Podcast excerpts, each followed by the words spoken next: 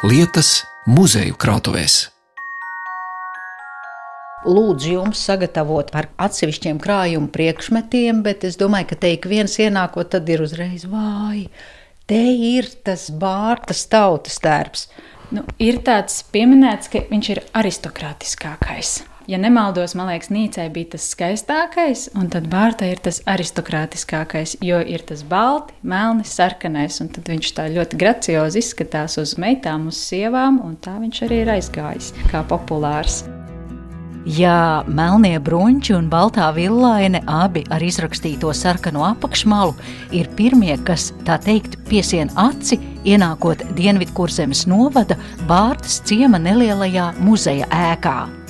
Kad skats pie košā tautas tērpa ir izmielots, tad arī varam ķerties klāt muzeja krājumu vērtībām. Un šoreiz stāsti būs par reiz bijušo Bārtas baznīcu, par rosīgo Latvijas zemkopības ministru Jāni Birznieku un uzzināsim, kā 1988. gadā Maskavā parādījās bārtenieka Zigurda Rukuta austais sarkanbalts sarkanais karoks. 19. gadsimta 90. gados Liepājas pilsētas galvenā arhitekta Maksa Paula Berčī dēls, arī arhitekts Maks Berčī, izstrādā projektu jaunajai mūra baznīcai Bārtā, kur ir nolemts celt vecā koka dievnama vietā. Jauno baznīcu iesvētīja 1902. gadā, bet otrā pasaules kara laikā aizgāja bojā liela daļa no šīs ēkas. Šobrīd no baznīcas ir pāri palikušas tikai drupas, un līdz šim vienīgais apzinātais priekšmets ir kristām trauks. Misiņa šķīvis, uz kura platajām malām ir veidoti stilizēti ziedu raksti.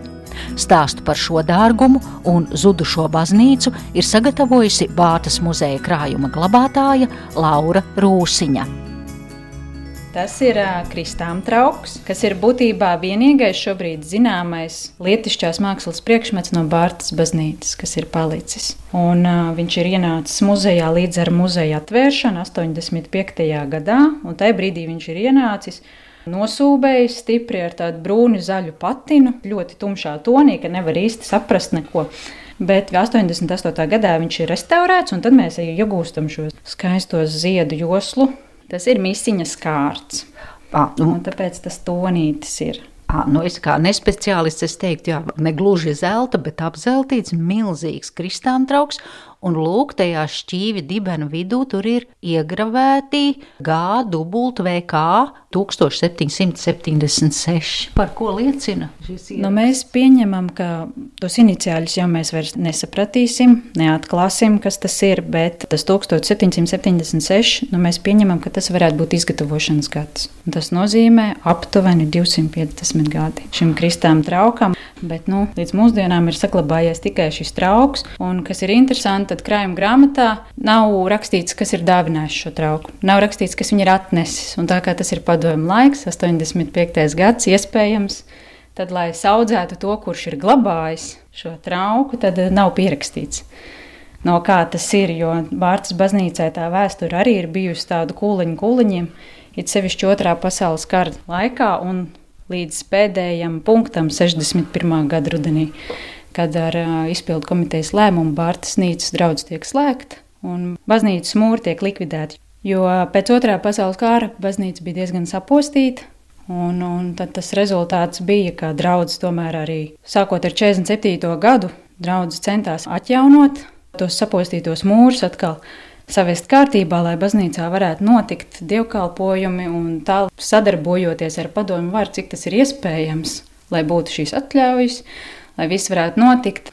Viņiem 55. gadā deva šo atļauju, ka viņi var mēģināt tajos mūros noturēt dievkalpojumus un vispārējo, bet pēc vairākiem gadiem tomēr redzot, ka tūlīt tās liks jaunu jumtu, tūlīt viss būs atkal skaisti, ka nolēmts, ka mūri ir nedroši un ka draudz ir jāslēdz.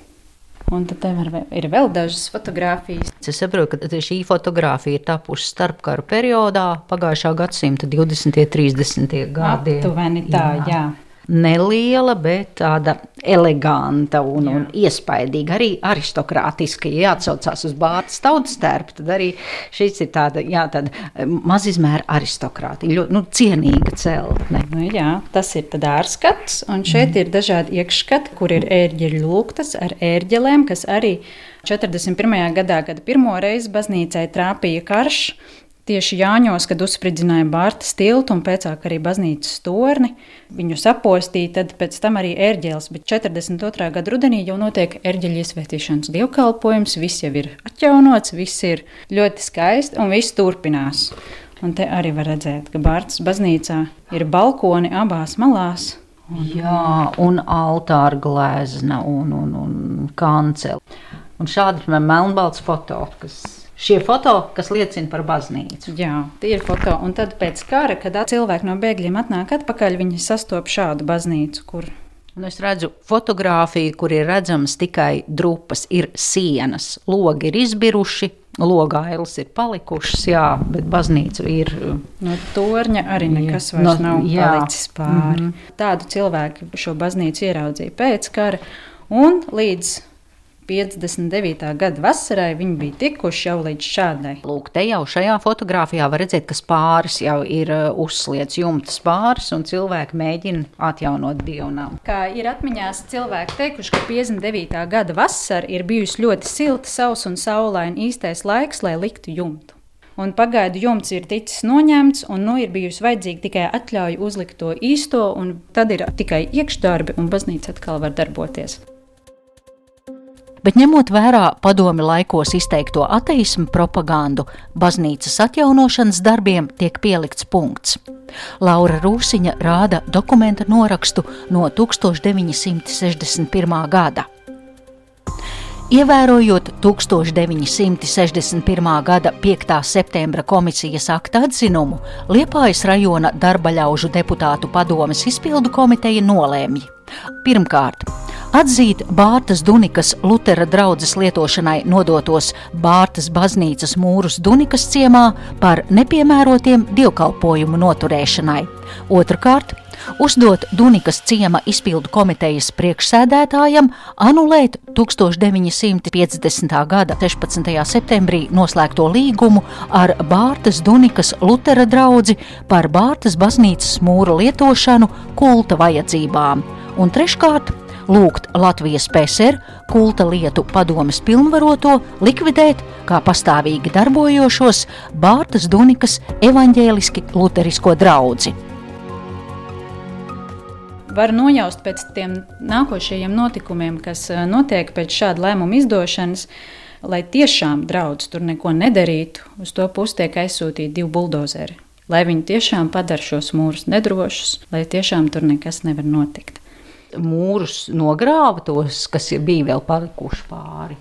Es precīzi nezināšu, bet es domāju, ka kaut ko jau viņi tur pastumdīja, kaut ko nedaudz parāva, pavilka, jo uz šo dienu tajā vietā, tanī vietā ir lūk šādi. Jūs man rādāt foto, kas ir uzņemts eh, pirms gada, 2022. gadā. No vienas sienas saglabājies tikai mūris, no otras ir tikai nu, mazāk kā puse.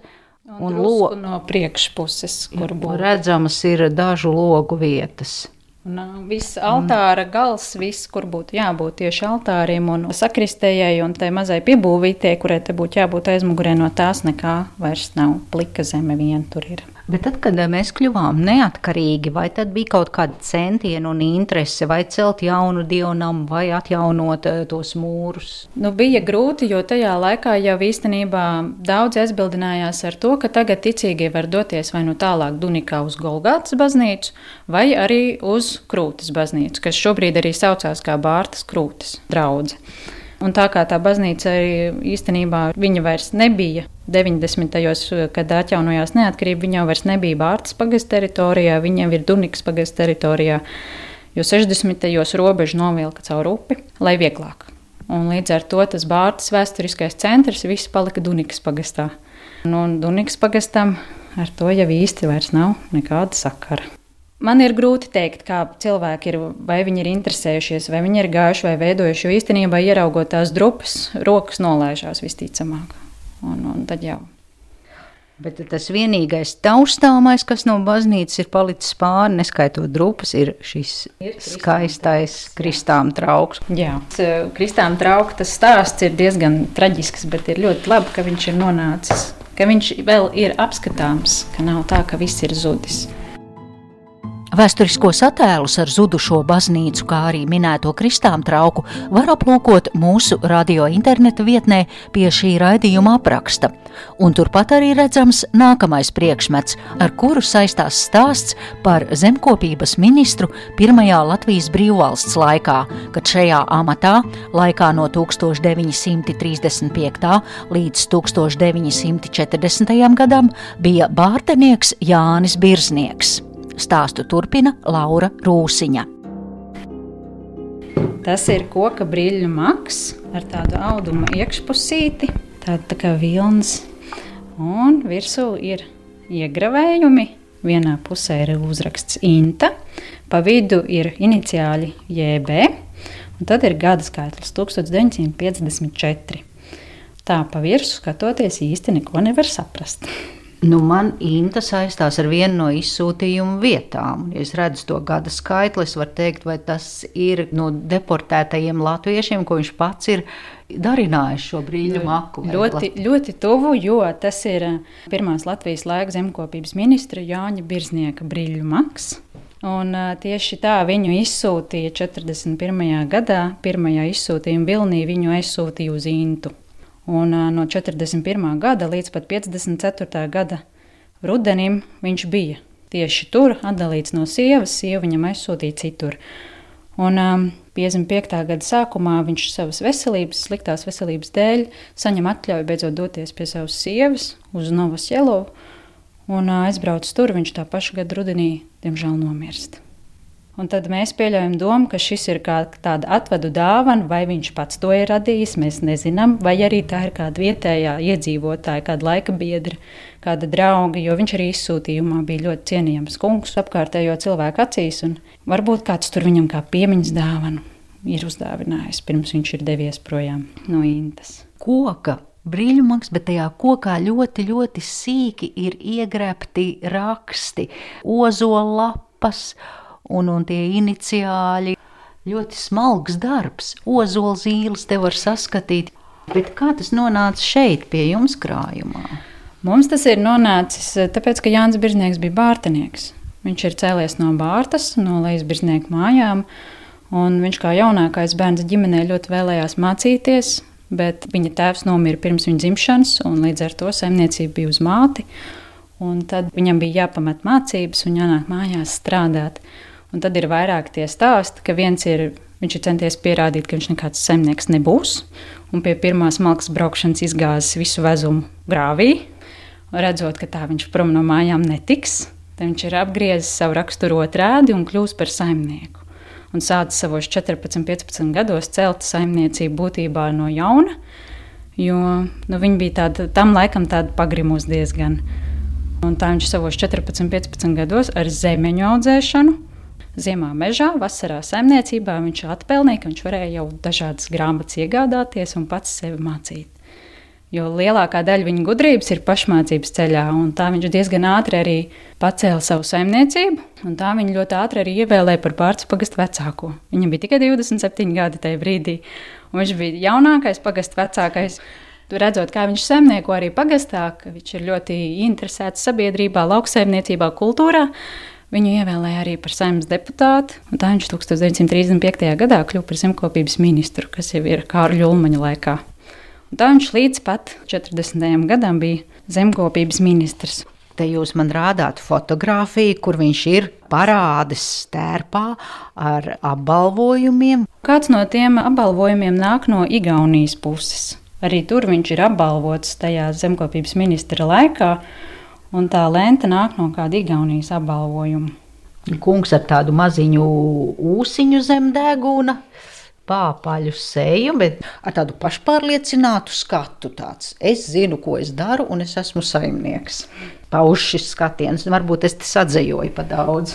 Ne, tā viņu arī raksturo laika biedri, kad bija tā, kā viņš teica, tā arī viņš darīja un nesolīja par daudz, solīja tikai to, ko tiešām varēja izdarīt. Ja viņš kaut kur brauca kādās vizītēs, viņam bija svarīgi aprunāties ar vietējiem par esošām problēmām lauksaimniecībā vai mežniecībā, jebkurā jomā. Jo pēcāk atgriežoties Rīgā, viņam jau līdz ar to bija vieglāk saprast situāciju, bīdīt lietas, skatīties un lemt. Un viņš ir arī teicis kādās intervijās 35. gadā, ka ierēdnis savu darbu nevar labi paveikt sešās stundās, esot pie darba galda. Jo tas paiet telefona sarunās, paiet vizītēs, paiet sarunās, paiet apspriedēs, un tikai pēcāk kaut kādus nopietnus lēmumu projektus var pieņemt tikai esot mājās, un tad trīs stundās visu var paveikt. Un, lai atdalītu to darba laiku no gulētiešanas laika, viņš vienmēr ir lasījis kādas grāmatas. Kā viņš bija teicis, tas ir tāds nobruņojums, lai atdalītu darba dzīvi no nakts miera. Kā 1996. gadā neatkarīgajā rīta avīzē vēsturnieks un publicists Visvaldis Lācis, atsaucoties uz vēsturnieku Edgars Dunsdorfu, kurš labi pazinis Birznieku, raksta šādi. Draudzes skolu viņš cariskajā Krievijā bija beidzis. Tas, protams, bija ļoti maz, bet Jānis Birznieks bija cilvēks, kas saprata, ka viņam nepārtraukti ir jāmācās kā deputātam. Dunsdorfs rakstīja, ka Jānis Birznieks pašizglītības ceļā ir sasniedzis respektējamas zināšanas tautsaimniecībā un citās valsts pārvaldes nozarēs. Tik tālu citāts no laikraksta, bet Laura Rūsiņa turpina stāstu par bijušo zemkopības ministru, rādot senas fotogrāfijas. Šeit, piemēram, viņš ir ar sievu, dēlu un kādu strādnieku. Jo viņa mājās, lejas birzniekos, kuras zemkopības ministra laikā bija kļuvuši par tādu izmēģinājumu lauciņu, jo visu, ko importētās sēklas vai potētie koki, ļoti bieži izgāja caur viņa saimniecību, lai redzētu, vai no tā ir kāda jēga. Un līdz ar to Biržnieka bija tā vieta, kur bija potēti ķirši. Viņi vēl kādus 20 gadus atpakaļ tur bija, bet nu jau man liekas, vairs nav. Un, un sadzīvē viņš ir bijis ļoti pieticīgs, ļoti vienkāršs cilvēks. Un to jau var redzēt arī šeit, fotografijā. Jūs nepateikt, nu nevar atšķirt no tā otra strādnieka. Vīrs darba uzvalkā ar cepurē, ar nagu, viņi tur sēž pļavā tā ir bijusi arī viņa atpūta no tās Rīgas dzīves, ka viņš pārbraucot mājās, ir uzreiz pārģērbies un gājis savās druvās, savos laideros, skatīties, kas tur notiek. Un tad ir tā pēdējā fotografija, kā izsūtījums ir mainījis virsnieku skatu. Mēs skatāmies uz manāmi novecojošu kungu, rievām sejā, un tas skats ir palicis arī tāds, tāds skumjš un blāvs. Turpinot iepazīt Bārtas muzeja krājuma priekšmetus, krājuma glabātāja pieveda mani pie galda, kur ir izlikts Latvijas valsts karoks. Pēc salocītās formas redzams, ka valsts simbols ir pamatīgos izmēros. Tas jau liekas, nu, klasika, tas jau ir tikai Latvijas valsts karoks. Kas tur dišs? Vai ne? Viņš ir nu, ļoti liels. Tā ir vilna. Tā ir vilna. Un jūs lokat vaļā tiešām milzīgu izmēru mūsu valsts karogu. Jā, viņš būs ļoti liels. Es viņu droši vien varbūt pat visu nevarēšu atlocīt. Jo galds nav tik liels. Kaut kādu pusotru metru plats un garumā viņš kaut kādi divi metri varētu būt. Vairāk kā divi metri. Nu, ja būtu porziņš, tad uh, izstieptās rokās to karogu viņš turētu, tad karogs būtu visā garumā. Viņš ir Nu, līdz 88. gadam austs. Viņu ir audis Zigorts Rukuts, kurš arī ir bārtinieks. Viņš savu laiku bija etnogrāfiskā ansambļa vadītājs. Ļoti izdarīgs cilvēks, ļoti punktuāls. Viņam bija ļoti lielas rokas, bet tajā pašā laikā viņš varēja izšūt bārtas tautisko kreklu, melnos izšuvumus, smalkus. Jā, jo viņš ir eh, izveidojis veselu bārtas tautas starp meitas kārtu, kas ir krekls, kas ir vilēna izšūta, kas ir bruncis, kas ir arī vainags. Mēs tur aiz muguras varam redzēt arī viņa roku darinājumu, kas ir vārtas zīļu vainags. Tie skaistie augstie vainagi ar tām zīlītēm, tad to ir izšuvis Zigurds Rukuts. Tieši tā, kad viņš bija etnogrāfiskā ansambļa vadītājs, viņam bija ļoti svarīgi, lai šie tērpi ir etnogrāfiski pareizi. Un līdz ar to viņš arī pats ķērās pie darba. Un tādas smalkus darbus viņš varēja veikt ar kā laika biedrs saka, ar savām lielajām zemnieku rokām. Ne, neticam, jo nu, parasti skatot uz visiem, jā, uz vainagiem, uz tērpiem, mēs runājam nu, pārsvarā par, par sievietēm. Un tagad jūs man rādāt un stāstāt par vienu vīru ar lielām rokām, kas visas šos mazās pērlītes un zīlītes un smalkums smalkos tos mirdzumiņus un flitterus ir darinājis vainagā. Jā, līdz ar to viņš ieguva šī tautas daļa meistara titulu, bet tā viņa precizitāte un punktualitāte, tā ir tā, kas cilvēkiem visvairāk ir palikusi atmiņā, ka viņš ir bijis tāds patriotisks un prasīgs vīrs. Visam ir jābūt tā, kā tam ir jābūt un lielas rokas ir bijušas. Te mēs tā pasmaidot, bet, nu, ja mēs iedomājamies, ja vīrs, kurš dara zemes darbus, pēc tam vakarā apsēžas un paņem adatiņu un ar sīkām pērlītēm darina skaistos greznos bārtas vainagus. Atverot Nacionālās bibliotēkas digitālo vietni periodika LV, varam atrast vairākus rakstus no pagājušā gadsimta 80. gadiem, kur minēts Zigurda Rukuta vārds saistībā ar dažādām lietišķās mākslas izstādēm un dalību folkloras kopā un rakstus lapojot, uzzinām, ka tolaik tautas daļamata meistars bijis arī kolhoza biškopis un kinomehāniķis, taču karstos lauku darbu brīžos sēstas arī uz traktora un pļauju. Bet kāda saistība zīļu vainagam ar Latvijas valsts karogu? Tad šis karogs ir tā lieta, kuru neviens nezina, kad viņš viņu bija uzaudzis bet viņš viņu pats bija audzis. Jo viņam mājās bija stēles, tā kā viņš gādāja arī par tautas tērpu, tad viņš mājās varēja daudz ko padarīt. Viņš pats ar savām rokām bija uzaugusi šo Latvijas valsts karogu, un 88. gadā jau plivinājās gaisā tās brīvības vēsmas. Un tā paša gada augustā Maskavā notika folkloras dekāde. Kolomēns, kas etnogrāfiskajā muzejā Arī tur Bārts etnogrāfiskais ansamblis ir bijis, un pirms tam viņi bija gājuši gājienā. Un, uh, no ielas malām skaidrā latviešu valodā saukts, kur ir jūsu karoks. Nu, un tā viņi ir aizgājuši. Un etnogrāfiskā ansambļa dalībnieki nav zinājuši, kas sekos pēc tam, jo pēc tam ir šī diena, tai brīvdabas muzejā. Un Zigorts Rukuts izvilcis savu saliekamo karoga kātu, kurus arī viņš pats veidoja. Viņi bija tādi saliekami, sastukājami, lai viņus var kompakti salocīt un nest projām un izvilka arī tieši šo karogu. Un tad 1988. gada vasarā Jā, šis tur... lielais karoks arī pacēlās jā, tur plīvojumā parkā. Maskavā. Maskavā jā. Un tur viņi visu dienu brīvi ir staigājuši ar šo karogu. Un neviens nav neko jautājis. Neko. Un uh, pašā vakarā, kad ir uh, visas padomju Savienības televīzijā iet raidījums Vremļa, kur apkopo visas dienas notikumus, Latvijas valsts karoks plaši plīv pa visu Padomju Savienības televīziju ekrāniem. Tā arī bija, un, protams, pēc tam etnogrāfiskais ansamblis nevarēja piedalīties dekādas noslēguma koncertā. Viņiem bija jāsēž viesnīcas istabiņā pie televizora, jo tas bija tas sots, jo visi funkcionāri bija uztraukušies, arī tie, kas bija no Latvijas braukuši, visi bija uztraukti, kas nu tagad notiks. Arī pēc tā gadījuma Zigorts Rukots to karogu katru reizi, kad viņš varēja kaut kur viņu izvilkt, viņš viņu izvilka. Protams, nu, tad, kad Latvija atguva neatkarību, tad karoks iegūla mājās, tika noglabāts, jo viņš savu darbu bija paveicis. Tie bija stāsti par vēsturiskām vērtībām Bārtā, un par šiem stāstiem paldies saku Bārtas muzeja krājuma glabātājai Laurai Rūsiņai. Raidījumu veidoja Zane Lāce Baltāksne. Vietu lietas.